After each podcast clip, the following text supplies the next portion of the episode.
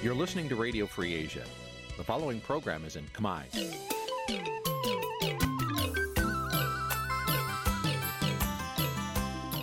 នេះជាកម្មវិធីផ្សាយ Vuthu Azizi Serai នេះជាកម្មវិធីផ្សាយរបស់ Vuthu Azizi Serai ជាភាសាខ្មែរ Vuthu Azizi Serai សូមស្វាគមន៍លោកអ្នកនាងទាំងអស់ពីរដ្ឋធានី Washington នៃសហរដ្ឋអាមេរិក ចាប់ពីរដ្ឋធានី Washington នាងខ្ញុំម៉ៃសុធានីសូមជម្រាបសួរលោកអ្នកស្ដាប់ទាំងអស់ជាទីមេត្រីចាយើងខ្ញុំសូមជូនការផ្សាយសម្រាប់ព្រឹកថ្ងៃសុក្រ12កើតខែបោះឆ្នាំឆ្លូវត្រីស័កពុទ្ធសករាជ2565ហើយដល់ត្រូវនៅថ្ងៃទី14ខែមករាគ្រិស្តសករាជ2022ជាដំបូងនេះសូមអញ្ជើញលោកអ្នកនាងកញ្ញាស្ដាប់ព័ត៌មានប្រចាំថ្ងៃដែលមានមេត្តាដូចតទៅ thank you អង្គការ Human Rights Watch រកឃើញថាលោកហ៊ុនសែនបន្តប្រើអំណាចរំលោភសិទ្ធិមនុស្សដើម្បីកាន់អំណាចតវងត្រកូលក្រុមហ៊ុន Casino ចិន The Century ព្រមផ្ដល់សំណងដល់បុគ្គលិកក្រោយពីមានការបដិងផ្ដាល់ក្រសួងសុខាភិបាលកំពុងពិចារណាឲ្យអ្នកដំណើរអាចចូលកម្ពុជាបាន ដោយពុំចាំបាច់ធ្វើចតាលេសានៅពេលដែលពួកគេចាក់វ៉ាក់សាំងដូសជំរុញ អ្នកជំនាញជំរុញកម្ពុជាកុំឲ្យមេដឹកនាំរដ្ឋបហាភូមាចូលរួមដើម្បីបញ្ជាការលើកពេលកិច្ចប្រជុំអាស៊ាន រួមនឹងព័ត៌មានផ្សេងផ្សេងមួយចំនួនទៀតចាត់ជាបន្តទៅទៀតនេះនាងខ្ញុំម៉ៃសុធានីសូមជូនព័ត៌មានទាំងនោះពឺស្ដាប់ ចាលោកនានីជាទីមេត្រីអង្គការឃ្លាំមើលសិទ្ធិមនុស្សអន្តរជាតិ Human Rights Watch រកឃើញករណីរំលោភសិទ្ធិមនុស្សសំខាន់សំខាន់ដែលមានលក្ខណៈធ្ងន់ធ្ងរនិងជាប្រព័ន្ធនៅក្នុងប្រទេសកម្ពុជារួមមាន ការបង្ក្រាបលើអ្នកនយោបាយបពប្រឆាំងសកម្មជនសង្គមនិងបរិស្ថាន បញ្ហាអំពើនទណ្ឌភាពព្រមទាំងការបង្កើតច្បាប់រដ្ឋបិទសិទ្ធិមនុស្សជាមូលដ្ឋានជាដើម ក៏ប៉ុន្តែមន្ត្រីរដ្ឋាភិបាលចាត់ទុករបាយការណ៍នេះថាមិនឆ្លុះបញ្ចាំងពីការពិតនិងជាការលៀបពណ៌លើរដ្ឋាភិបាលកម្ពុជាជាពីរដ្ឋធានី Washington លោកលេងម៉ាលីរាយការណ៍ព័ត៌មាននេះអង្គការឃ្លាំមើលសិទ្ធិមនុស្សអន្តរជាតិ Human Rights Watch លើកឡើងថានៅមុនការបោះឆ្នោតឃុំសង្កាត់និងបោះឆ្នោតជាតិឆ្នាំ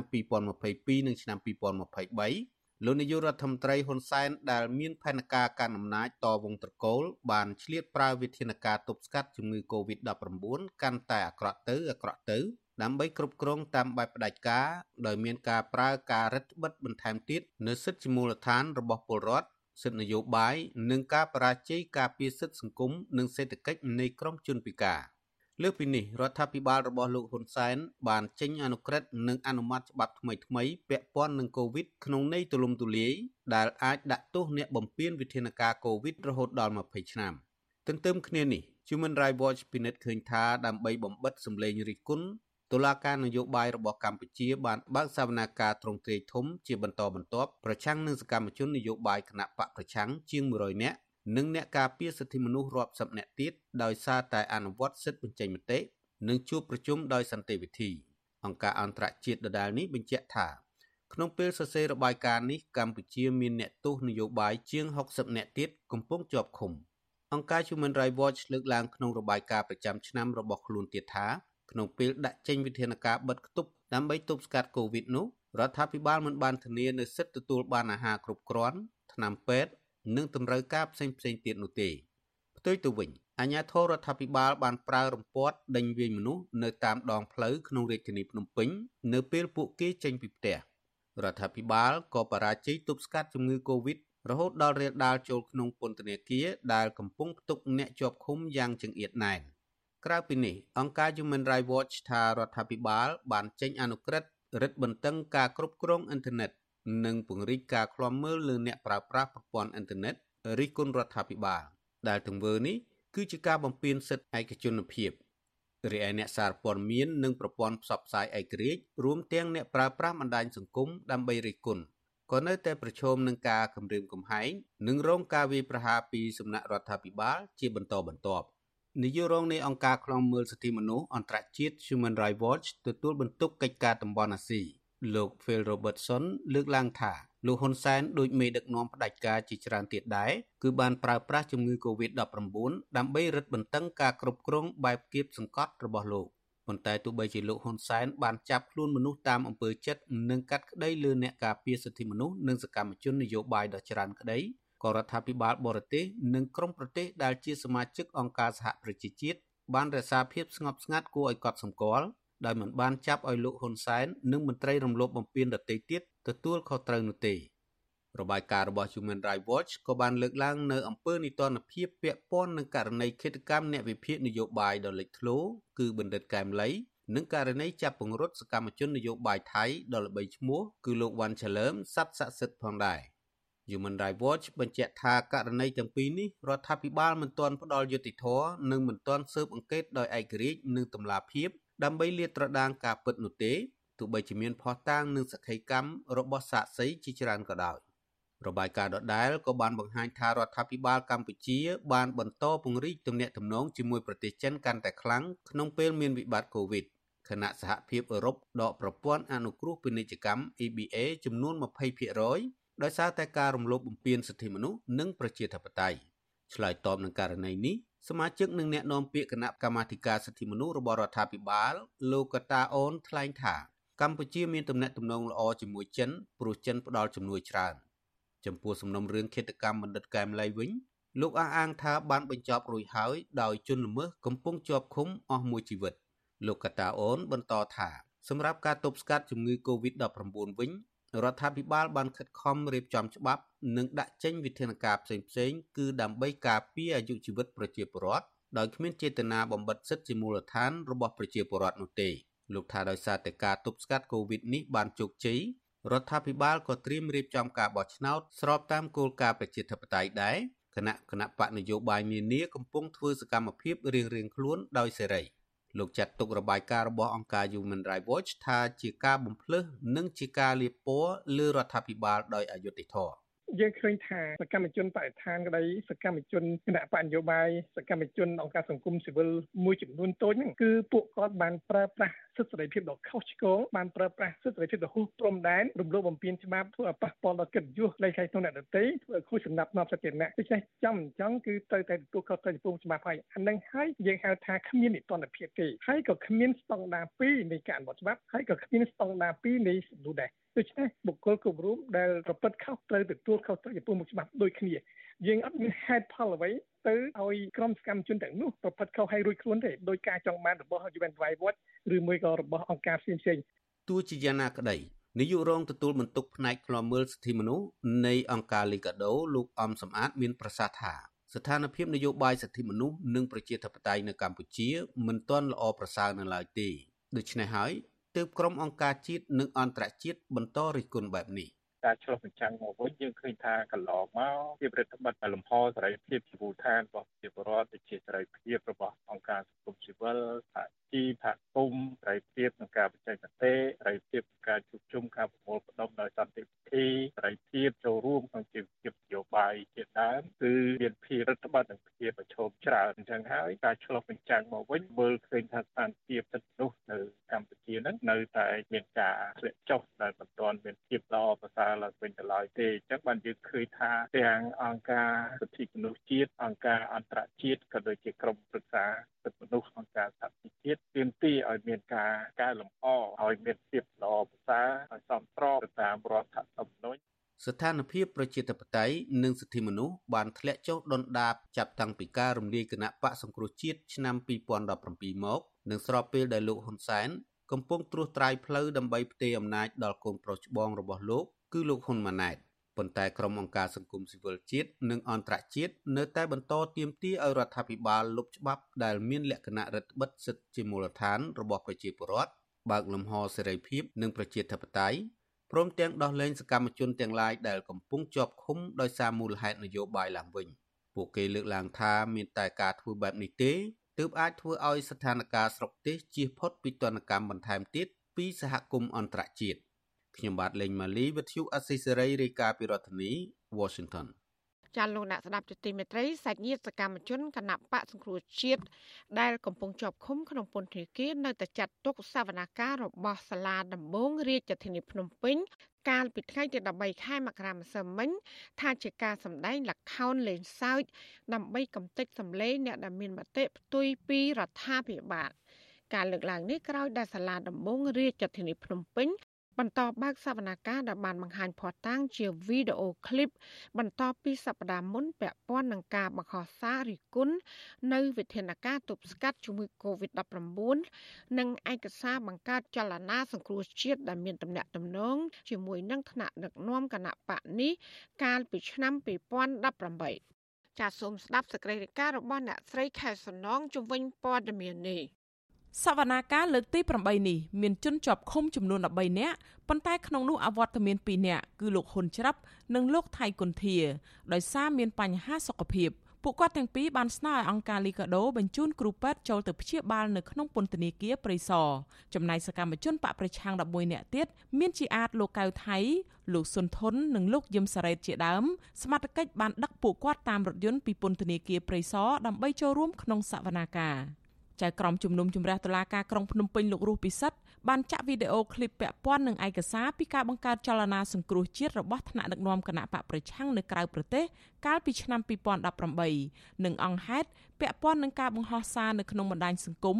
អំពីការរាតត្បាតជំងឺ Covid-19 កាលពីឆ្នាំ2020 ប៉ុន្តែដោយសារតែភ័ស្តុតាងនៅមានច្រើនទៀតហើយពេលវេលាមានការកំណត់ដូច្នេះចៅក្រមរស់ពិសិដ្ឋក៏បានបិទបញ្ចប់សវនាការនៅម៉ោង7:12ថ្ងៃត្រង់ហើយគ្រោងនឹងបន្តសវនាការជាថ្មីទៀតនៅថ្ងៃទី20ខែមករាខាងមុខសវនាការនៅថ្ងៃប្រហ័សសប្តាហ៍ក្រោយនេះតុលាការក៏គ្រោងបង្ហាញភស្តុតាងជាវីដេអូឃ្លីបដែលនៅសេសសល់បន្តទៀតដែរមេធាវីការពារក្តីឲ្យសកម្មជនបកប្រឆាំងលោកសំសុគង្គយល់ថាភស្តុតាងជាវីដេអូឃ្លីប ដែលតុលាការបានបង្ហោះនោះมันមានទំនាក់ទំនងអ្វីជាមួយកូនក្តីរបស់លោកឡើយដូច្នេះมันអាចដាក់បន្ទុកលើពួកគាត់បាននោះទេ បើអ្នកខ្លះគាត់និយាយនៅថ្ងៃផ្សេងណាអ្នកផ្សេងទៀតតែអញ្ចឹងគឺថាវាពិបាកនឹងគាត់សម្គាល់ថាផុសតានឹងវាពាក់ព័ន្ធនឹងក្តីអត់ទៅបើយ៉ាងណាក៏ដោយដោយសារវាជានីតិវិធីហើយតឡាការក៏កំពុងតែសាវនាការទៅទៅផុសតាងដើម្បីស្វែងរកការពិតហើយយើងសង្ឃឹមថានៅពេលដែលតឡាការចាក់ផុសតាងអីហើយអស់ចឹងហើយនឹងសរុបមកគឺតឡាការនឹងពិចារណានឹងផ្ដល់យុត្តិធម៌ចំពោះពួកគាត់ជាពិសេសគឺពួកគាត់ស្នើសុំឲ្យមានការដោះលែងពួកគាត់ឲ្យមានសេរីភាព សវនាការនេះមានការចូលរួមឃ្លាំមើលពីតំណាងទូតប្រទេសលោកសេរីជាច្រើននិងតំណាងអង្គការសហប្រជាជាតិទទួលបន្ទុកសិទ្ធិមនុស្សក្រុមអង្គការសង្គមស៊ីវិលនិងសាច់ញាតិរបស់ជនជាប់ចោតជាច្រើនអ្នកចំណែកនៅខាងក្រៅរបងតុលាការវិញអាជ្ញាធរបានពង្រាយកងសន្តិសុខជាច្រើនអ្នកស្របពេលដែលក្រុមគ្រួសាររបស់មន្ត្រីបកប្រឆាំងនិងអ្នកគាំទ្រជាង10នាក់បន្តរងចាំលើកទឹកចិត្តដល់ជនជាប់ចោតប៉ុន្តែมันមានការប៉ះទង្គិចគ្នាដោយហិង្សានោះទេ ប្រពន្ធសកម្មជនគណៈបកសង្គ្រោះជាតិលោកយឹមសារ៉េតគឺលោកស្រីអុកចន្ទធីប្រាប់វត្ថុអាស៊ីសេរីក្រោយចប់សវនាការថាភ័ស្តុតាងដែលតុលាការបង្ហាញនោះគឺជាការរៀបចំដើម្បីទម្លាក់កំហុសមកលើប្តីរបស់លោកស្រី និងសកម្មជនដទៃទៀតដោយអយុត្តិធម៌និងមិនអាចទទួលយកបានឡើយ លោកស្រីសំណុំពរឲ្យតុលាការអនុវត្តទូនីតិអព្យាក្រឹតដោយឈប់សម្ដែងល្ខោនលេងសើចតាមការចង្អុលបង្ហាញរបស់អ្នកនយោបាយបន្តទៀតខ្ញុំយល់ថាជាឆាកល្ខោនរបស់តុលាការគឺយកគាត់មកសប្តាហ៍មកសប្តាហ៍ដឹកទៅដឹកមកហើយគឺវិវាទពេលថាធ្វើម៉េចឲ្យពួកជាប់ឃុំនឹងគឺនៅឃុំនឹងឲ្យបានយូរចឹងដោយថាដោយអត់មានប៉ុកតាំងអ្វីក៏សោះដែលចៅប្រកាន់គាត់មានពាក់ព័ន្ធនឹងរួមការរួមរំលឹកក្បត់របស់តុលាការដែលចោទប្រកាន់គាត់នឹងតាម ការខ្ញុំមើលនឹងគឺអត់មានពាក់ព័ន្ធតែសោះតែម្ដងវត្តឈូអេស៊ីស្រីមិនអាចតកតងแนะនាំពាក្យសាលាដំបងរាជធានីភ្នំពេញលោកអ៊ីរ៉ានដើម្បីសូមអត្ថាធិប្បាយជុំវិញបញ្ហានេះបាននៅឡើយទេនៅថ្ងៃទី13ខែមករាជុំវិញរឿងនេះអ្នកនាំពាក្យសមាគមការពារសិទ្ធិមនុស្សអាត់ហុកលោកសឹងសែនករណាមើលឃើញថារឿងក្តីក្តាំនេះជាការធ្វើទុកបុកម្នេញផ្នែកនយោបាយដោយភ្ជាប់សាច់រឿងរបស់ពួកគេមកចាត់វិធានការតាមផ្លូវច្បាប់លោកបញ្ជាក់ថាតុលាការធ្វើបែបនេះ នឹងមិនអាចផ្ដល់យុត្តិធម៌ដល់ជនជាប់ចោទទៅតាមច្បាប់បានទេព្រោះខ្វះឯករាជ្យភាព និងអព្យាក្រឹតចឹងហើយបានជាយើងចង់ឃើញចំណាត់ការវិធានការដោះស្រាយទៅលើចំនួនរវាងនៃអ្នកនយោបាយហ្នឹងតាមផ្លូវអ្នកនយោបាយរកដំណោះស្រាយជាមួយគ្នាជាជាងប្រើប្រាស់នៅប្រព័ន្ធតឡាការដែលជាការធ្វើឲ្យមានការបាត់បង់នៅតម្លៃស្ថាប័នយុតិធធ ដែលពាក់ព័ន្ធអីទាំងអស់នឹងឯងបាទសាលាដំបងរាជធានីភ្នំពេញបានចោទប្រកាន់សកម្មជនបកប្រឆាំងចំនួន42នាក់ពីបទរួមគំនិតក្បត់និងញុះញង់ពាក់ព័ន្ធនឹងដំណើរមាតុភូមិនិវត្តរបស់លោកសំរងស៊ីកាលពីចុងឆ្នាំ2019តុលាការក្រុងនឹងបញ្ចប់ការសួរដេញដោលសំណុំរឿងនេះនៅខែកុម្ភៈខាងមុខ កន្លងមកអង្គការសង្គមស៊ីវិលជាតិនិងអន្តរជាតិជាច្រើនស្ថាប័នបានចាត់ទុករឿងក្តីក្តាមនេះថាជាការធ្វើទុកបុកម្នេញផ្នែកនយោបាយនិងស្នើឲ្យតុលាការទម្លាក់ចោលការចោទប្រកាន់និងដោះលែងជនជាប់ឃុំទាំងនោះឲ្យមានសេរីភាពវិញដោយគ្មានលក្ខខណ្ឌចា៎នាងខ្ញុំខែសុណងវັດឈូអាស៊ីសេរីរាយការណ៍ពីរដ្ឋធានី Washington ចាពាក់ព័ន្ធនឹងរឿងបញ្ហានៅប្រទេសភូមាវិញប្រសិទ្ធពិសេសអង្គការសហប្រជាជាតិទទួលបន្ទុកកិច្ចការមីយ៉ាន់ម៉ាឬភូមា អ្នកស្រី Nolan Heiser រំលឹកដល់លោកហ៊ុនសែនឲ្យដោះស្រាយវិបត្តិភូមាស្របតាមឆន្ទៈនិងការចង់បានរបស់ប្រជាពលរដ្ឋនៃប្រទេសនេះ ថ្លែងក្នុងកិច្ចសន្ទនាតាមប្រព័ន្ធវីដេអូជាមួយប្រធានថ្មីបដូវវេនរបស់អាស៊ាន គឺលោកនាយករដ្ឋមន្ត្រីហ៊ុនសែននៅថ្ងៃទី13ខែមករាប្រសិទ្ធពិសេសរបស់អង្គការសហប្រជាជាតិទទួលបន្ទុកកិច្ចការភូមាបានគូសបញ្ជាក់ថាដំណោះស្រាយចំពោះវិបត្តិនៅភូមាគឺចាំបាច់ត្រូវតែកើតចេញពីកិច្ចពិគ្រោះយោបល់ដោយផ្ទាល់នឹងការស្ដាប់ដោយយកចិត្តទុកដាក់ចំពោះគ្រប់ភាគីពាក់ព័ន្ធទាំងអស់ដែលរងគ្រោះដោយសារតែវិបត្តិនេះ អ្នកត្រីក៏បានសង្កត់ធ្ងន់អំពីសារៈសំខាន់នៃការធ្វើឲ្យប្រសើរឡើងនៃការអនុវត្តកិច្ចព្រមព្រៀងរួម5ចំណុចដែលអាស៊ានបានព្រមព្រៀងគ្នាកាលពីពេលកន្លងមក ក្នុងនោះក៏រួមមានការបញ្ឈប់ជាបន្ទាន់នៅអំពើហិង្សានិងការតម្រូវឲ្យគ្រប់ភាគីក្នុងចំនួននៅភូមិមាត្រូវអត់ធ្មត់ជាទីបំផុត អ្នកស្រី Nolan Heiser ប្រាប់លោកហ៊ុនសែនថាដំណើរការដោះស្រាយបញ្ហាភូមិដែលធ្វើឡើងស្របតាមឆន្ទៈរបស់បរដ្ឋភូមិគឺដើម្បីទទួលបាននូវសន្តិភាពប្រជាធិបតេយ្យនិងអនាគតដែលមានគ្រប់ភាគីពាក់ព័ន្ធហើយចាំបាច់ត្រូវតែមានការគ្រប់គ្រងដោយវិធីសាស្ត្រដោះស្រាយជាអន្តរជាតិផ្អែកតាមស្មារតីការឯកភាពគ្នាក្នុងតំបន់ លោកនាយករដ្ឋមន្ត្រីហ៊ុនសែនបានសរសេរនៅលើទំព័រ Facebook របស់លោកក្រោយជំនួបនេះដោយបញ្ជាក់ជាថ្មី ថាគោលដៅសំខាន់របស់កម្ពុជាគឺចង់រកមធ្យោបាយដើម្បីបញ្ចប់ភាពហិង្សានិងបាត់ឈប់បាញ់គ្នានៅភូមាហើយនឹងធ្វើយ៉ាងណាដើម្បីផ្ដល់ជំនួយមនុស្សធម៌ដល់ប្រទេសនេះ លោកហ៊ុនសែនថ្លែងការពីដំណើរទស្សនកិច្ចរបស់លោក ថាអាស៊ានមិនអាចនៅជាប់គាំងបែបនេះនោះទេដូច្នេះចាំបាច់ត្រូវតែចាប់យកឱកាសក្នុងការចរចា យ៉ាងណាក៏ដោយការថ្លែងរំលឹករបស់មន្ត្រីអង្គការសហប្រជាជាតិប្រាប់ទៅលោកហ៊ុនសែនបែបនេះគឺទំនងជាចង់សម្ដៅទៅដល់វិធីសាស្ត្រការទូត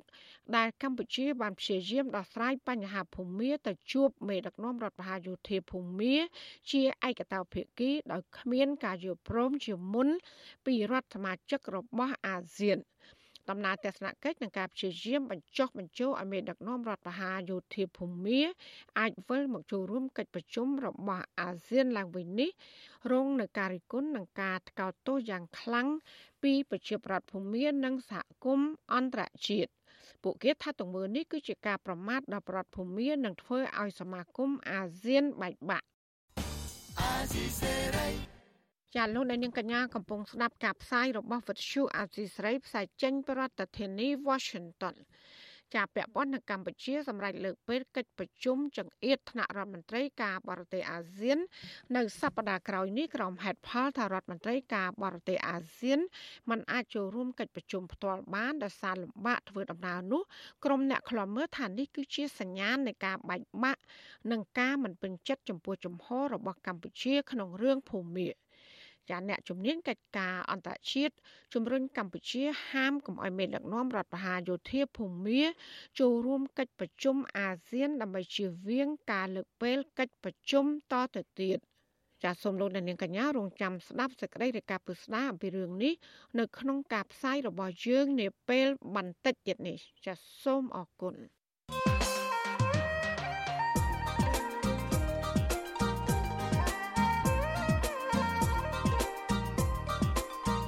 ចាលោកនាងកញ្ញាជាទីមេត្រីកម្ពុជាដែលជាប្រធានបដូវវេនអាស៊ាន បានលុបចោលកិច្ចប្រជុំថ្នាក់រដ្ឋមន្ត្រីការបរទេសអាស៊ាន ជាលើកដំបូងនៅក្នុងឆ្នាំ2022នេះដែលក្រុងធ្វើនៅខេត្តសៀមរាប នៅថ្ងៃទី18និងទី19ខែមករាចាអ្នកវិភាគសង្ស័យថាការលុបចោលកិច្ចប្រជុំនេះអាចមកពីប្រទេសជាសមាជិកអាស៊ាន កំពុងតែខ្វែងយោបល់គ្នាអំពីសកម្មភាពរបស់លោកនាយករដ្ឋមន្ត្រីហ៊ុនសែនទៅគ្រប់គ្រងរបបសឹកមីយ៉ាន់ម៉ាឬភូមាតើមូលហេតុអ្វីខ្លះនៅក្រៅការលុបកិច្ចប្រជុំថ្នាក់រដ្ឋមន្ត្រីការបរទេសអាស៊ាននេះចាសសូមលោកអ្នកនាងកញ្ញារងចាំស្ដាប់នឹងទស្សនានេតិវេទិកាអ្នកស្ដាប់វិទ្យុអសីសេរី ដែលនឹងជជែកអំពីបញ្ហានេះនៅយប់ថ្ងៃសុក្រនេះកុំបីអខាន ចាលោកអ្នកនាងអាចសាកសួរវាគ្មិនរបស់យើងឬក៏បញ្ចេញមតិយោបល់សូមលោកអ្នកនាងដាក់លេខទូរស័ព្ទនៅក្នុងខ្ទង់ comment Facebook ឬ YouTube របស់វិទ្យុអាស៊ីសេរីដែលយើងកំពុងផ្សាយផ្ទាល់នៅពេលនេះក្រុមការងាររបស់យើងនឹងហៅទៅលោកអ្នកនាងវិញចាសសូមអរគុណ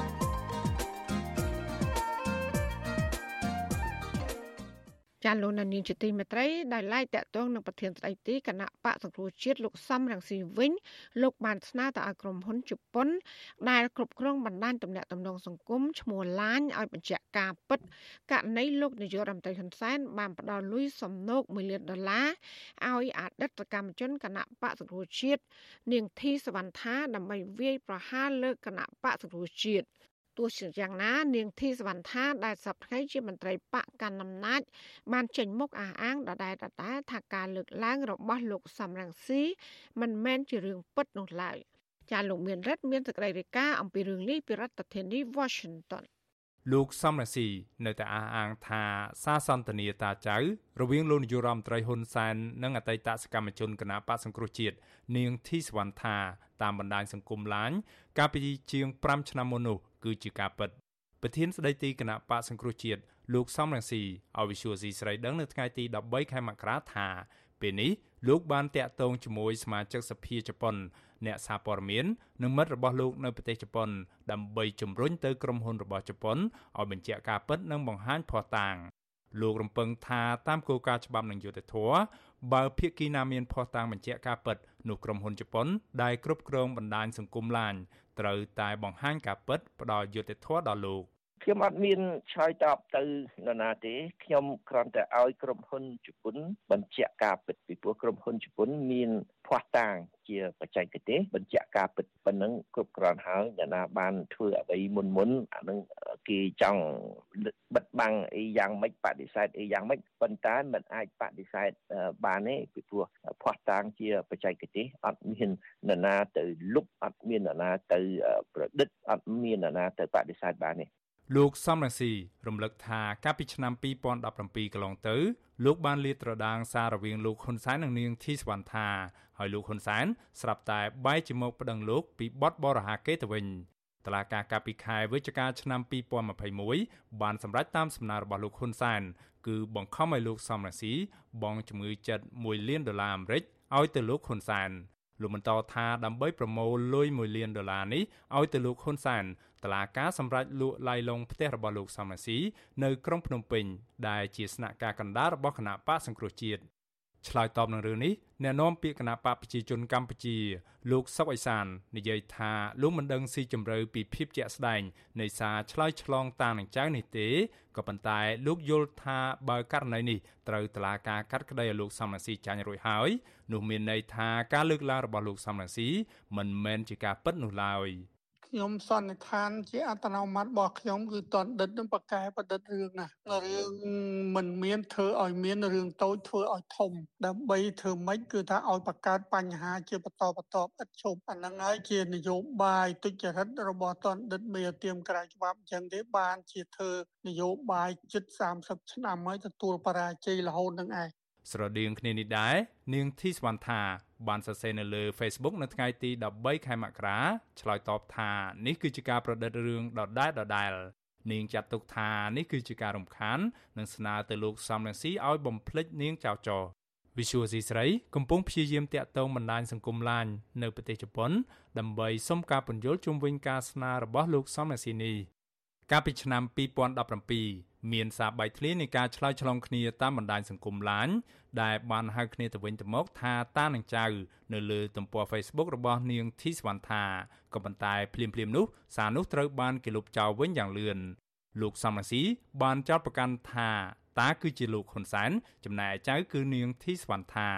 សារដដែលនោះឲ្យដឹងថាលោកហ៊ុនសែនបានផ្ដល់លុយទៅឲ្យនាងធីសវណ្ណថាដើម្បីវាយប្រហារ បង្កបញ្ហាដល់គណៈបកសង្គ្រោះជាតិនិងបាតកម្មជាដើម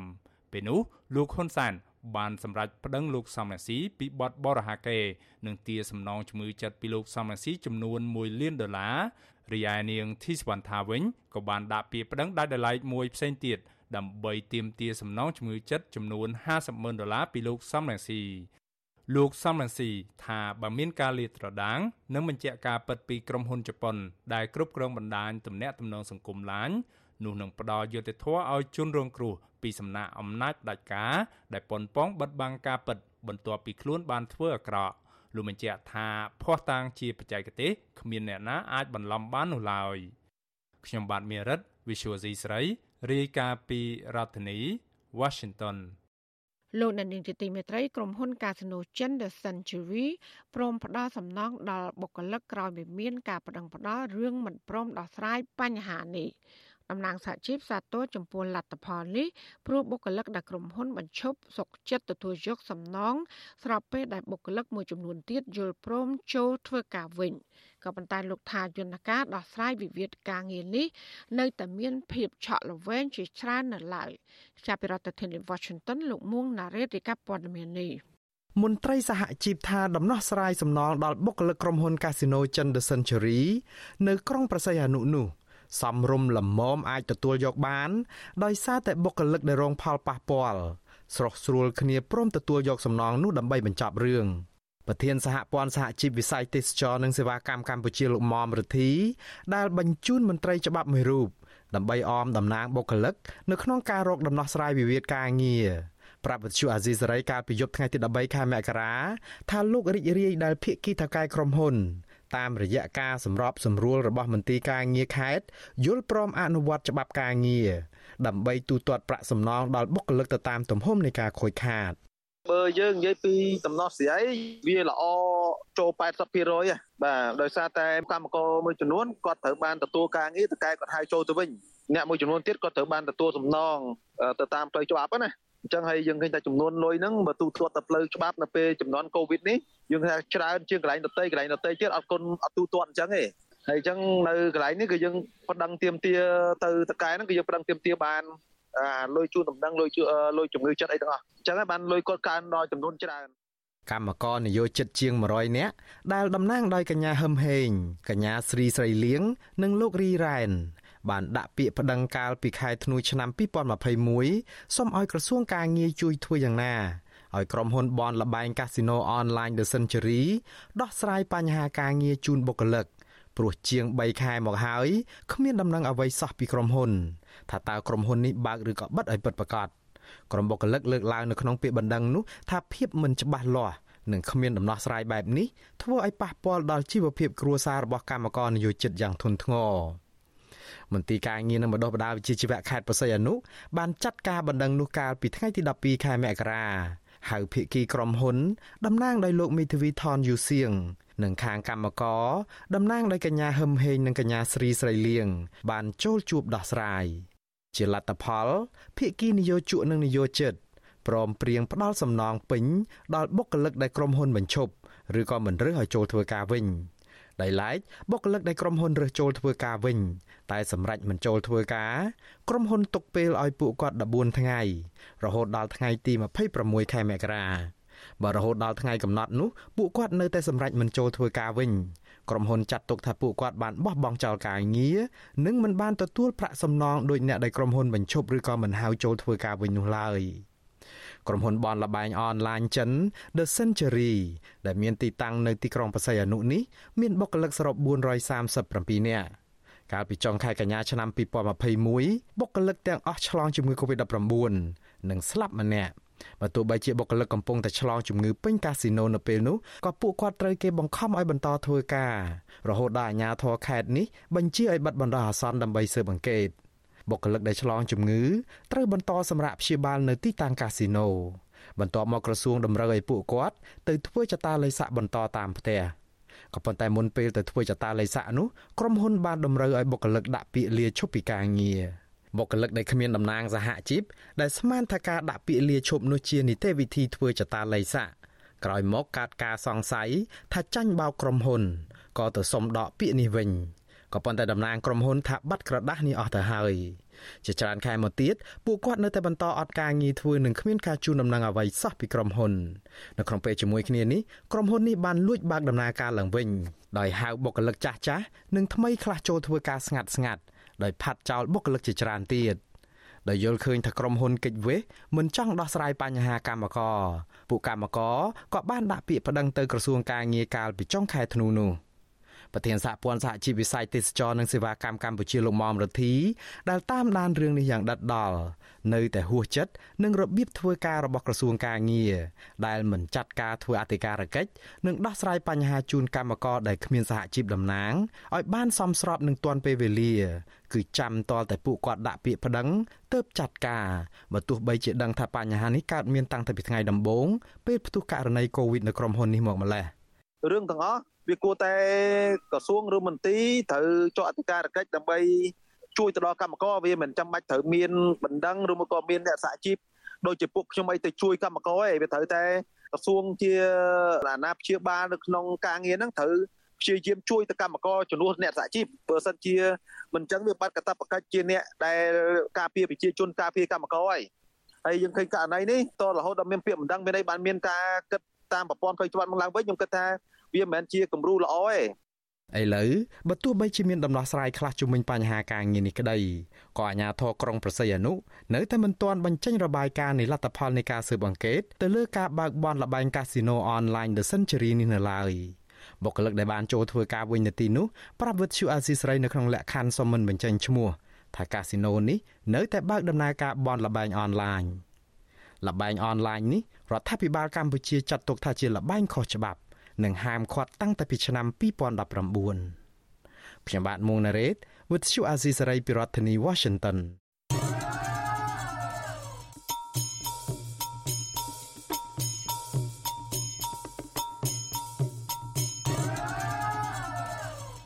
ចាលោកអ្នកស្ដាប់ជាទីមេត្រីតកតងនឹងរឿងចម្រូងចម្រាសនៅកាស៊ីណូ Naga World វិញអង្គការសង្គមស៊ីវិលជាច្រើននាំគ្នាធ្វើយុទ្ធនាការរាប់ចំនួនថ្ងៃនៃការឃុំខ្លួនតំណាងសហជីពកម្មករ Naga World ចំនួន8នាក់ដោយបានបង្ហោះរូបថតអ្នកទាំងអស់នោះនៅលើទំព័រ Facebook របស់ពួកគេ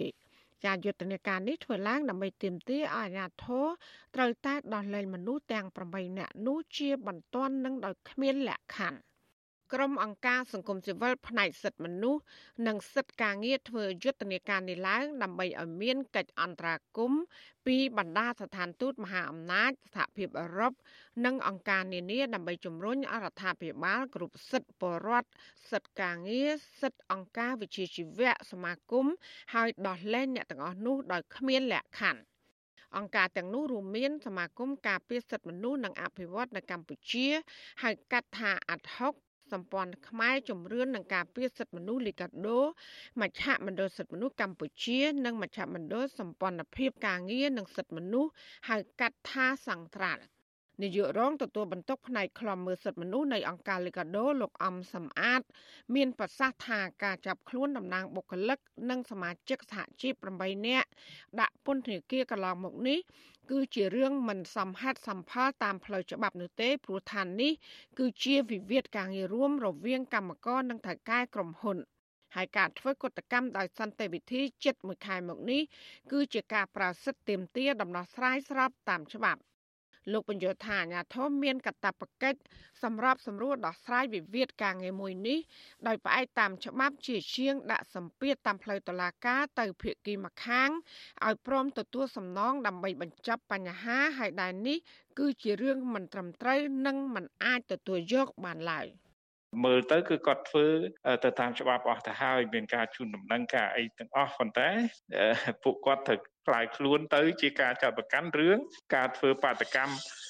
ខុសច្បាប់អីទៅវិញអាហ្នឹងអង្គការសង្គមស៊ីវិលមើលឃើញថាវាជាការបំពានទៅលើសិទ្ធិរបស់ពួកគាត់ហើយហេតុផលក្នុងការចាប់និងការឃុំខ្លួននេះវាជាការគំរាមកំហែងបំផិតបំភ័យហើយនឹងបន្តិចបន្តដាក់បំបាក់ស្មារតីកុំឲ្យធ្វើកោតកម្មបន្តទៀតតែប៉ុណ្ណោះបាទ គិតមកដល់ពេលនេះថ្នាក់ដឹកនាំនិងសមាជិកសហជីពនៃកម្មករ Nagavel 8នាក់កំពុងជាប់ឃុំក្នុងពន្ធនាគារប្រៃសណអស់14ថ្ងៃហើយ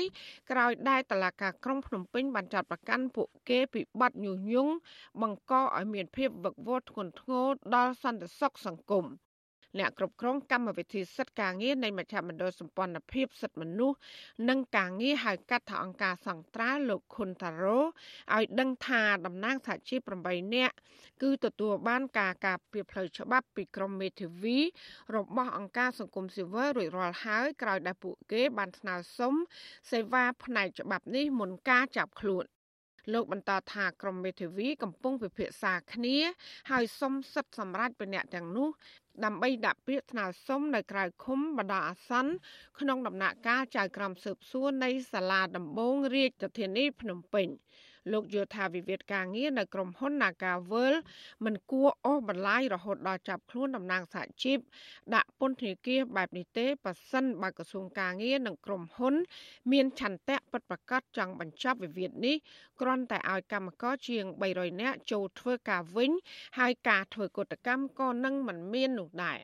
អញ្ចឹងដំណោះស្រាយមានន័យថាតើតាមានការដោះលែងគាត់ឲ្យគាត់មានលទ្ធភាពគ្រប់គ្រាន់ចូលតុចរចាហើយហៅនយោជកមកចូលតុចរចាដោយសម្ដែងនៅភាពស្មោះត្រង់ហើយយកបញ្ហានឹងដាក់លើតុពីព្រោះថានយោជកគាត់ថាគាត់អត់រើសអើងសហជីពទេហើយសហជីពយើងមើលឃើញថាមូលដ្ឋានផ្នែកច្បាប់ទម្រង់ទាំងអស់ហ្នឹងគឺវាជាការរើសអើងមិនឲ្យមានសហជីពហើយចុះបើសិនជានយោជកគាត់អត់រើសអើងរឿងអីថានយោជកមិនទទួលយកថ្នាក់ដឹកនាំសហជីពរបស់គាត់នឹងចូលធ្វើការងារវិញទៅអញ្ចឹងណា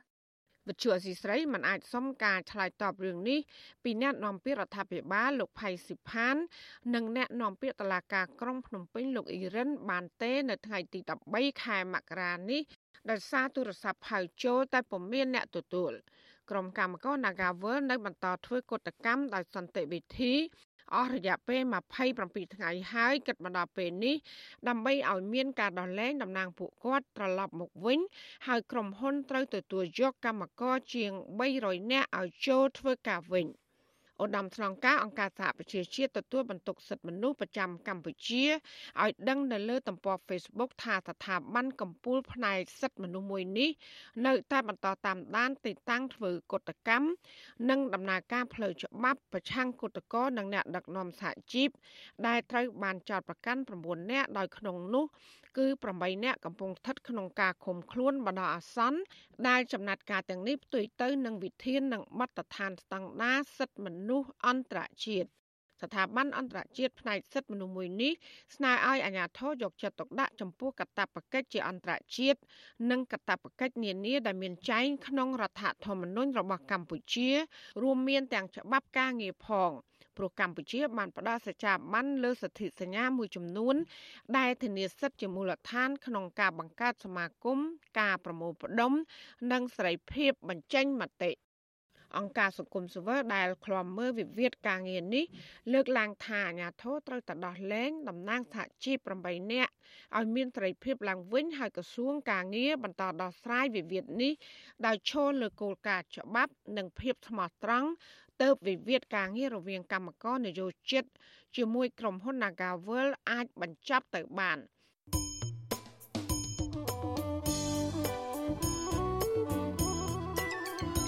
លោកនាងកញ្ញាកំពុងស្ដាប់ការផ្សាយរបស់វិទ្យុអាស៊ីស្រីផ្សាយចេញពីរដ្ឋធានី Washington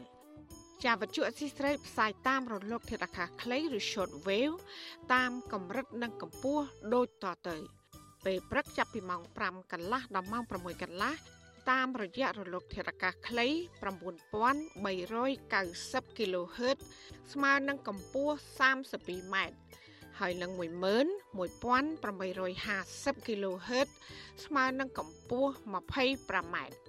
ចាសម្រាប់ពេលយប់វិញចាប់ពីម៉ោង7កន្លះដល់ម៉ោង8កន្លះគឺតាមរយៈរលកធាតុអាកាសខ្លី9390 kHz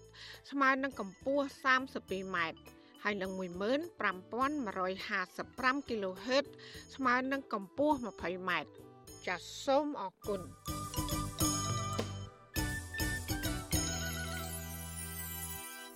ចាលោកនានីជាទីមេត្រីក្រសួងសុខាភិបាលកំពុងពិចារណាដាក់ចេញវិធានការដែលឲ្យអ្នកដំណើរបានចាក់ថ្នាំបង្ការជំងឺ Covid-19 ដូសជំរុញរួចរាល់អស់ហើយអាចចូលកម្ពុជាបានដោយមិនចាំបាច់ធ្វើចតាឡេសាក់ ចាអ្នកនាំពាក្យក្រសួងសុខាភិបាលលោកហុកកំជេងប្រាប់សារព័ត៌មានក្នុងស្រុកថាក្រសួងកំពុងពិចារណាដាក់វិធានការនេះសម្រាប់អ្នកដំណើរការក្រៅប្រទេសអាចចូលក្នុងប្រទេសកម្ពុជាបានដោយពុំចាំបាច់ធ្វើចតាឡេសាក់នៅពេលដែលពួកគេបានចាក់វ៉ាក់សាំងដូសជំរុញរួចរាល់នៅក្រៅរយៈពេល6ខែយ៉ាងតិច បន្ទាប់ពីបានចាក់វ៉ាក់សាំងដូសទី2លោកថានេះគឺជាវិធានការមួយដើម្បីធានាបង្កើតភាពស៊ាំនៅក្នុងសហគមន៍ តែទោះជាយ៉ាងណាប្រពន្ធដដែលបញ្ជាក់ថាវិធានការនេះ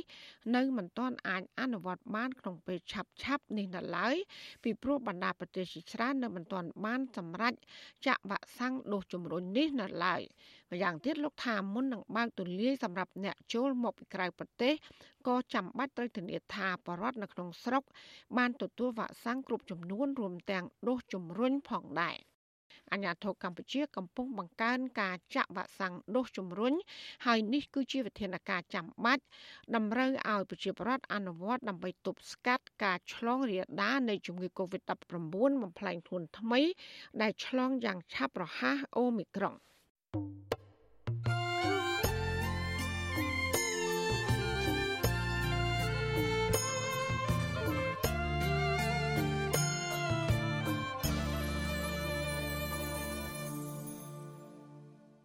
ចាលោកអ្នកស្ដាប់ជាទីមេត្រីអ្នកជំនាញកិច្ចការអន្តរជាតិជំរុញកម្ពុជាកុំឲ្យមេដឹកនាំរដ្ឋបហាយោធាភូមាចូលរួមកិច្ចប្រជុំអាស៊ានដើម្បីជៀសវាង ការលើកពេលកិច្ចប្រជុំតទៅទៀត។ កម្ពុជាបានសម្រេចលើកពេលកិច្ចប្រជុំអាស៊ានដំបូងដោយគ្មានការកំណត់ភ្លាមភ្លាមក្រោយខ្លាយជាប្រធានបដូវវេនអាស៊ានក្រុមហេតុផល ថារដ្ឋមន្ត្រីការបរទេសអាស៊ានមិនអាចចូលរួមកិច្ចប្រជុំផ្ទាល់បានដោយសារលំបាកធ្វើដំណើរ ក៏ប៉ុន្តែក្រុមអ្នកខ្លាំមើលថានេះគឺជាសញ្ញាណនៃការបែកបាក់និងការមិនពេញចិត្តក្នុងចំណោមសមាជិកអាស៊ាន ទៅនឹងចំហរបស់កម្ពុជាក្នុងរឿងភូមាដែលកម្ពុជា បានព្យាយាមទទួលស្គាល់របបសឹកនៃប្រទេសនេះចាលោកមានរិទ្ធមានសេចក្តីរាយការណ៍ពុស្ដាមួយទៀតជំវិញព័ត៌មាននេះដូចតទៅគ្រាន់តែបើកឆាកឆ្នាំ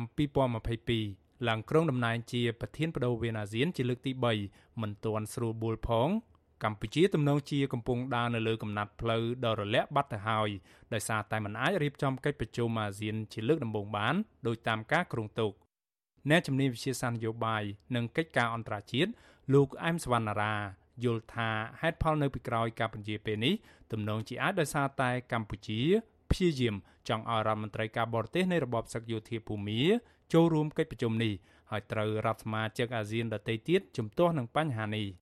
ទស្សនៈខ្ញុំផ្ទាល់ខ្ញុំថាប្រហែលជាមានការថានៅពីក្រោយនៃការបរិការប្រកាសជាសាធារណៈតាមបែបទូតនឹងប្រហែលជាមាន conflict ដែលតែមិនទទួលយកទៅការរៀបចំរបស់កម្ពុជានៅក្នុងការលើកយកវត្តមានរដ្ឋត្រីកបរទេសភូមិមកប្រជុំនៅមុនកិច្ចប្រជុំចុងអៀតថ្នាក់រដ្ឋមន្ត្រីការបរទេសអាស៊ានដែលគ្រោងនឹងប្រព្រឹត្តទៅចាប់ពីថ្ងៃទី18ដល់ថ្ងៃទី19ខែមករានៅខេត្តសៀមរាប និងនៅមុនដំណើរទស្សនកិច្ចរបស់លោកនាយរដ្ឋមន្ត្រីហ៊ុនសែនទៅជួបមេដឹកនាំរបបសឹកយោធាភូមាកាលពីថ្ងៃទី7និងទី8ខែមករាប្រធានាធិបតីឥណ្ឌូនេស៊ីលោកជូកូវីដូដូបានរំលឹកលោកហ៊ុនសែនពីជំហរមិនអនុញ្ញាតឲ្យមេដឹកនាំរដ្ឋប្រហារយោធាភូមាចូលរួមកិច្ចប្រជុំអាស៊ានប្រធានាធិបតីឥណ្ឌូនេស៊ី ព្រមានថាប៉ះសិនបើគ្មានការវិវត្តជាដុំកំភួនណាមួយស្ដីពីការអនុវត្តកិច្ចព្រមព្រៀងរួម5ចំណុចរបស់អាស៊ាន អំពីបញ្ហាវិបត្តិភូមិនេះទេនោះបុគ្គលដែលអាចធ្វើជាអ្នកតំណាងរបស់ប្រទេសភូមាមកចូលរួមកិច្ចប្រជុំកំពូលអាស៊ានបានត្រូវតែមិនមែនជាអ្នកនយោបាយចំណុចសំខាន់នៅក្នុងកិច្ចព្រមព្រៀងរួម5ចំណុចនេះតម្រូវឲ្យរបបសឹក បញ្ឈប់នៅអំពើហិង្សាជាបន្ទាន់និងអនុញ្ញាតឲ្យប្រិស័ទពិសេសអាស៊ានអាចចូលជួបចរចាជាមួយគ្រប់ភាគីពាក់ព័ន្ធនៅក្នុងចំនួនភូមាក្នុងនោះក៏រួមមានទាំងមេដឹកនាំស្របច្បាប់អ្នកស្រីអ៊ុងសាំងស៊ូជីផង ដែលត្រូវបានរបបសឹកធ្វើរដ្ឋប្រហារទម្លាក់ចេញពីតំណែងនិងកាត់ទោសក៏ប៉ុន្តែរបបសឹកភូមាមិនបានអនុវត្តតាមនោះទេ សមាគមអាស៊ានបានសម្រេចមិនអនុញ្ញាតឲ្យមេដឹកនាំនៃរបបសឹកយោធាភូមាចូលរួមកិច្ចប្រជុំកំពូលអាស៊ាន និងកិច្ចប្រជុំជាបន្តបន្ទាប់របស់អាស៊ាន ចាប់តាំងពីខែតុលាឆ្នាំ2021រហូតមកក៏ប៉ុន្តែកម្ពុជាចង់ផ្លាស់ប្តូរជំហរនេះដែលអនុញ្ញាតឲ្យមេដឹកនាំរបបសឹកយោធាភូមាអាចវិលមកចូលរួមកិច្ចប្រជុំកំពូលឡើងវិញបានដោយតាមការចង់បានរបស់ប្រទេសចិន នៅក្នុងសេចក្តីថ្លែងការណ៍រួមក្រោយដំណើរទស្សនកិច្ចរបស់លោកហ៊ុនសែនទៅជួបមេដឹកនាំរបបសឹកយោធាភូមាលោកមីនអងលៀងកម្ពុជាបានហៅមេដឹកនាំរបបសឹកថាជានាយករដ្ឋមន្ត្រីនៃប្រទេសមីយ៉ាន់ម៉ាឬភូមា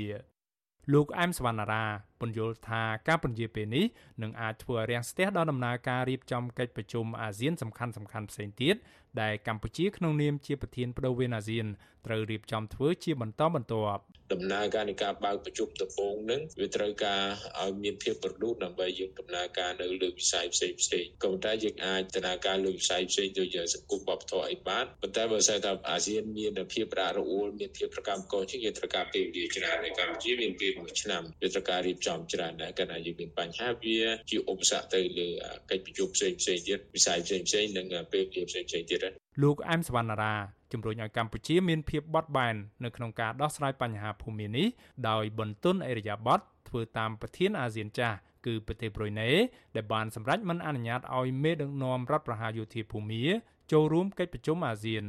សិនបើយើងមិនអាចដោះស្រាយបញ្ហាអីបានផ្សេងយើងអាចយកតាមគន្លងនយោបាយចាស់របស់អាស៊ានដែលប្រ៊ុយណេដែលជាប្រធានអាស៊ានហ្នឹងគាត់បានព្យួរចោលភាពស្រស់ចោលរបស់ភូមាណាຕົកចោលដោយមិនមានវត្តមានភូមាជាអ្នកចូលជួបពេញផ្លូវការវិសុវស៊ីស្រីបានព្យាយាមតាក់ទងណែនាំពាក្យក្រសួងការបរទេសកម្ពុជាលោកកុយគួងតាមបណ្ដាញសង្គម Telegram ដើម្បីសុំការពន្យល់បន្ថែមពីជំហរចុងក្រោយរបស់កម្ពុជា ចំពោះបញ្ហាភាពជាអ្នកតំណាងស្របច្បាប់របស់ភូមានិងការសម្រេចលើកពេលកិច្ចប្រជុំនេះថាតើអាចនឹងមានការកំណត់ពេលវេលាថ្មីនៅពេលណាក៏ប៉ុន្តែនៅមិនទាន់ទទួលបានការឆ្លើយតបណាមួយនៅឡើយទេក៏ត្រឹមយប់ថ្ងៃទី13ខែមករារីឯអ្នកជំនាញកិច្ចការអន្តរជាតិមួយរូបទៀតនឹងជាប្រធានវិទ្យាស្ថានចក្ខុវិស័យអាស៊ីហៅកាត់ថា AVI បណ្ឌិតឈៀងវណ្ណរិទ្ធវិញ លោកបញ្យល់ថាកិច្ចប្រជុំចង្អៀតថ្នាក់រដ្ឋមន្ត្រីការបរទេសអាស៊ាននេះដើរតួនាទីសំខាន់ដើម្បីពិនិត្យមើលឡើងវិញនៅអ្វីដែលអាស៊ានសម្រេចបានកាលពីឆ្នាំចាស់និងកំណត់នៅអាទិភាពសម្រាប់កិច្ចប្រជុំកម្ពុជារបស់អាស៊ាននាពេលខាងមុខលោកថាជាទូទៅអាស៊ានតែងតែរៀបចំកិច្ចប្រជុំនេះនៅរៀងរាល់ដើមឆ្នាំនៅក្នុងខែមករាបណ្ឌិតឈៀងវណ្ណរិទ្ធ មើលឃើញថាប្រសិនបើរបបសឹកយោធាភូមា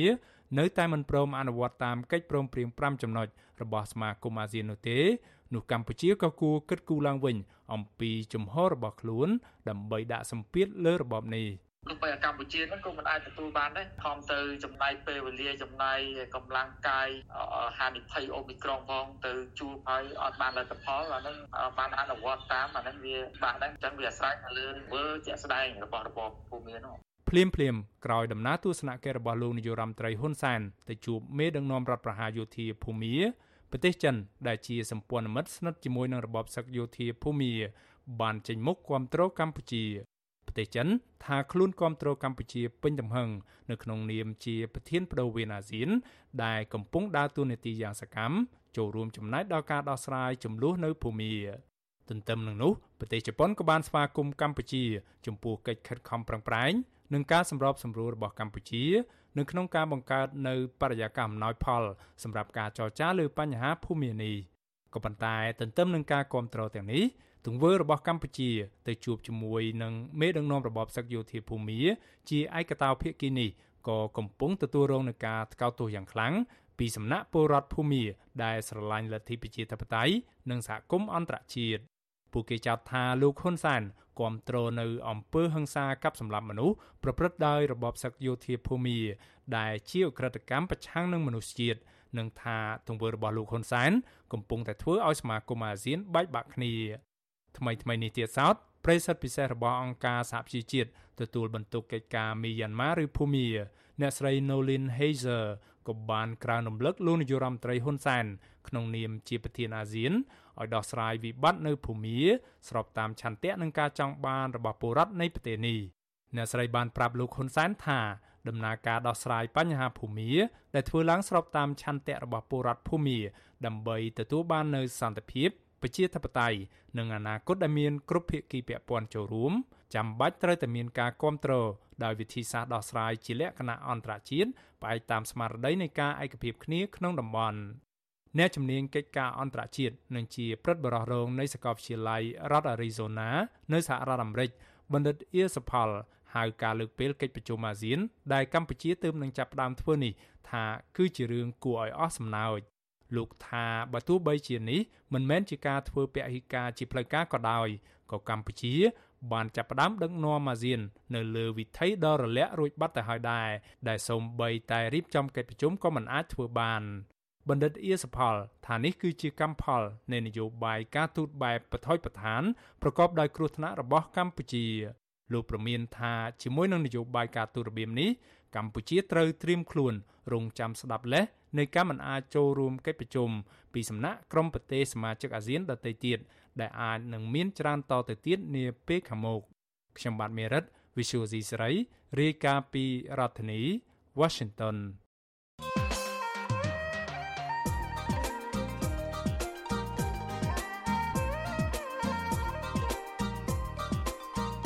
ចាលោកនាងកញ្ញាជាទីមេត្រីកម្ពុជាដែលជាប្រធានបដូវវេនអាស៊ាន បានលុបចោលកិច្ចប្រជុំថ្នាក់រដ្ឋមន្ត្រីការបរទេសអាស៊ានជាលើកដំបូងនៅក្នុងឆ្នាំ2022នេះដែលក្រុងធ្វើនៅខេត្តសៀមរាប នៅថ្ងៃទី18និងទី19ខែមករាចាអ្នកវិភាគសង្ស័យថាការលុបចោលកិច្ចប្រជុំនេះអាចមកពីប្រទេសជាសមាជិកអាស៊ាន កំពុងតែខ្វែងយោបល់គ្នាអំពីសកម្មភាពរបស់លោកនាយករដ្ឋមន្ត្រីហ៊ុនសែនទៅគ្រប់គ្រងរបបសឹកមីយ៉ាន់ម៉ាឬភូមាតើមូលហេតុអ្វីខ្លះនៅក្រៅការលុបកិច្ចប្រជុំថ្នាក់រដ្ឋមន្ត្រីការបរទេសអាស៊ាននេះចាសសូមលោកអ្នកនាងកញ្ញារងចាំស្ដាប់នឹងទស្សនានេតិវេទិកាអ្នកស្ដាប់វត្ថុអសីសេរីដែលនឹងជជែកអំពីបញ្ហានេះនៅយប់ថ្ងៃសុក្រនេះកុំបីអខាន ចាលោកនាងអាចសាកសួរវាគ្មិនរបស់យើងឬក៏បញ្ចេញមតិយោបល់សូមលោកនាងដាក់លេខទូរស័ព្ទនៅក្នុងខ្ទង់ comment Facebook ឬ YouTube របស់វិទ្យុអាស៊ីសេរី ដែលយើងកំពុងផ្សាយផ្ទាល់នៅពេលនេះក្រុមការងាររបស់យើងនឹងហៅទៅលោកនាងវិញចាសសូមអរគុណ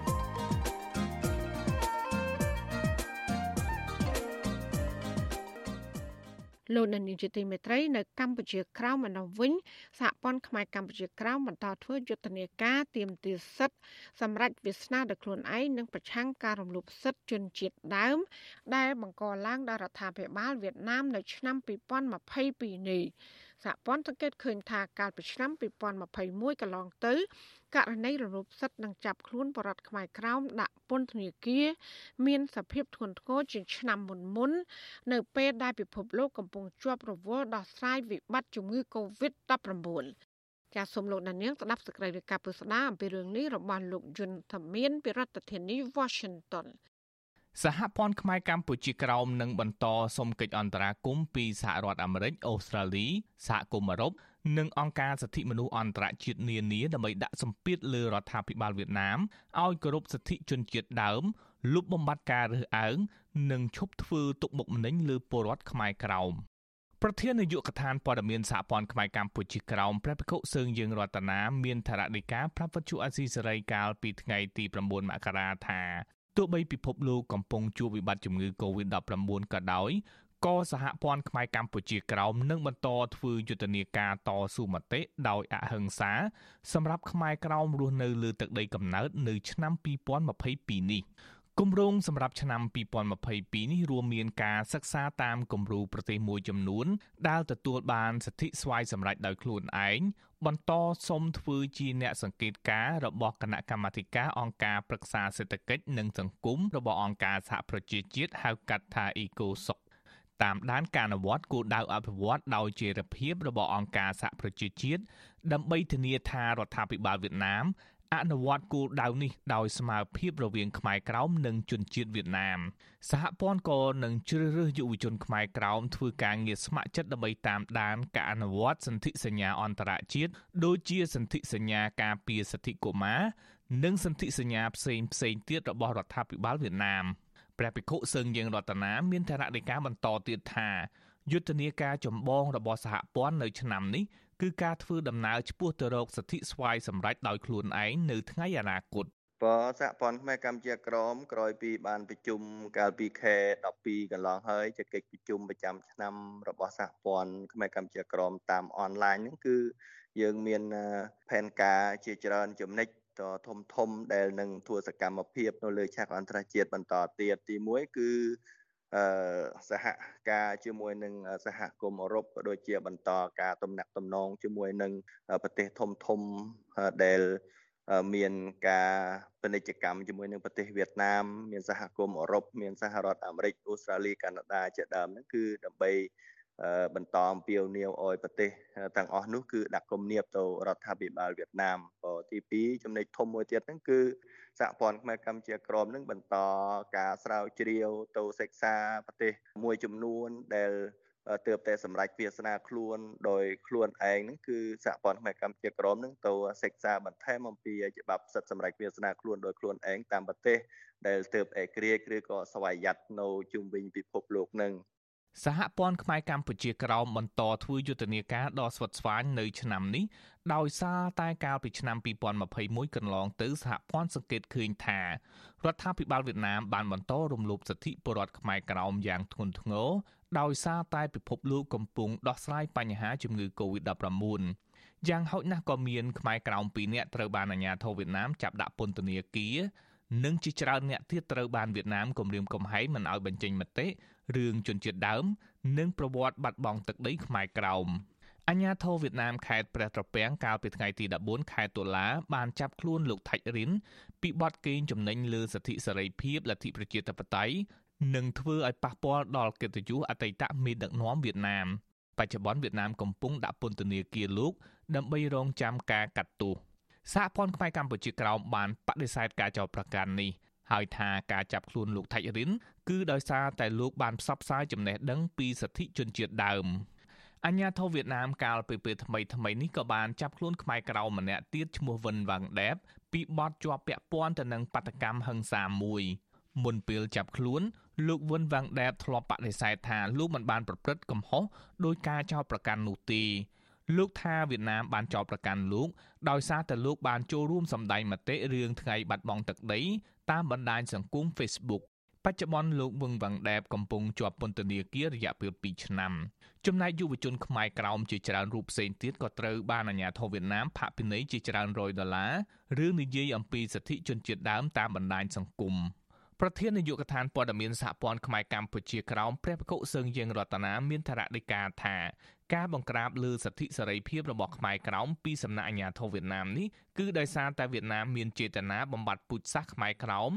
នៅលើទឹកដីកំណើតព្រោះប្រទេសវៀតណាមគឺនៅតែបន្តការរំលោភសិទ្ធិមនុស្ស នៅលើទឹកដីកម្ពុជាក្រមចំពោះបរតខ្មែរក្រមជានៅប្រទេសវៀតណាមហ្នឹងឲ្យតែណាមានគំនិតបន្ទុយអំពីរដ្ឋាភិបាលកុម្មុយនីសវៀតណាមហ្នឹងគឺរដ្ឋាភិបាលវៀតណាមមានការចោទប្រកាន់ចំពោះបរតខ្មែរក្រមក៏ដូចជាយុវជនខ្មែរក្រមនិងគណៈការពារសិទ្ធិមនុស្សនៅលើដែនដីកម្ពុជាក្រមផងដែរជាងទៅយុទ្ធសាស្ត្ររបស់រដ្ឋាភិបាលវៀតណាមនឹងនៅតែមហិច្ឆតាដើម្បីលុបបំបាត់ពូជសាសន៍ខ្មែរក្រមនៅលើទឹកដីកម្ពុជាក្រមឲ្យតែបរតខ្មែរក្រមណា ទាមទារសិទ្ធិសេរីភាពក្រកឡើងបញ្ចេញមតិហ្នឹងគឺរដ្ឋាភិបាលវៀតណាមហ្នឹងនៅតែជាប់ប្រកាន់នៅតែអឺប្រើនៅអង្គើហឹង្សាទៅលើបរតខ្មែរក្រមជាពិសេសគឺប្រកាន់ពូជសាសន៍ចំពោះបរតខ្មែរក្រមនៅលើទឹកដីកម្ពុជាក្រមបកាលពីខែធ្នូកន្លងទៅសហព័ន្ធខ្មែរកម្ពុជាក្រោមនិងអង្គការសិទ្ធិមនុស្ស Human Rights Watch បានអំពាវនាវដល់សហគមន៍អន្តរជាតិជួយអន្តរាគមន៍ទៅរដ្ឋាភិបាលវៀតណាម ឲ្យបញ្ឈប់ការរំលោភសិទ្ធិមនុស្សជាប្រព័ន្ធនិងឈប់ធ្វើទុកបុកម្នេញជនជាតិដើមសំណើនោះធ្វើឡើងក្នុងពេលរដ្ឋាភិបាលអូស្ត្រាលីនិងវៀតណាមបានចាប់ផ្ដើមកិច្ចសន្ទនាលើកទី17ស្ដីពីបញ្ហាសិទ្ធិមនុស្សអង្គការសិទ្ធិមនុស្សអន្តរជាតិ Human Rights Watch រកឃើញថាយ៉ាងហោចណាស់ក៏មានមនុស្សជាង100នាក់កំពុងជាប់ពន្ធនាគារដោយសារតែការប្រើប្រាស់សិទ្ធិមូលដ្ឋាន និងការប្រើប្រាស់បណ្ដាញសង្គមវៀតណាមក្រៅពីធ្វើទុកបុកម្នេញពលរដ្ឋខ្លួនឯង រដ្ឋាភិបាលកុម្មុយនីសមួយនេះក៏បានធ្វើទុកបុកម្នេញជនជាតិដើមខ្មែរក្រោមផងដែរ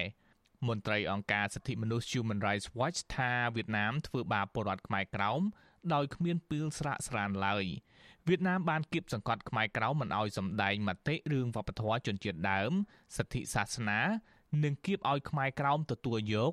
និងសម្របសម្រួលការរស់នៅតាមបែបជនជាតិវៀតណាមទៀតផងខ្ញុំយុនសាមៀនវិទ្យុអាស៊ីសេរីប្រធានាធិបតី Washington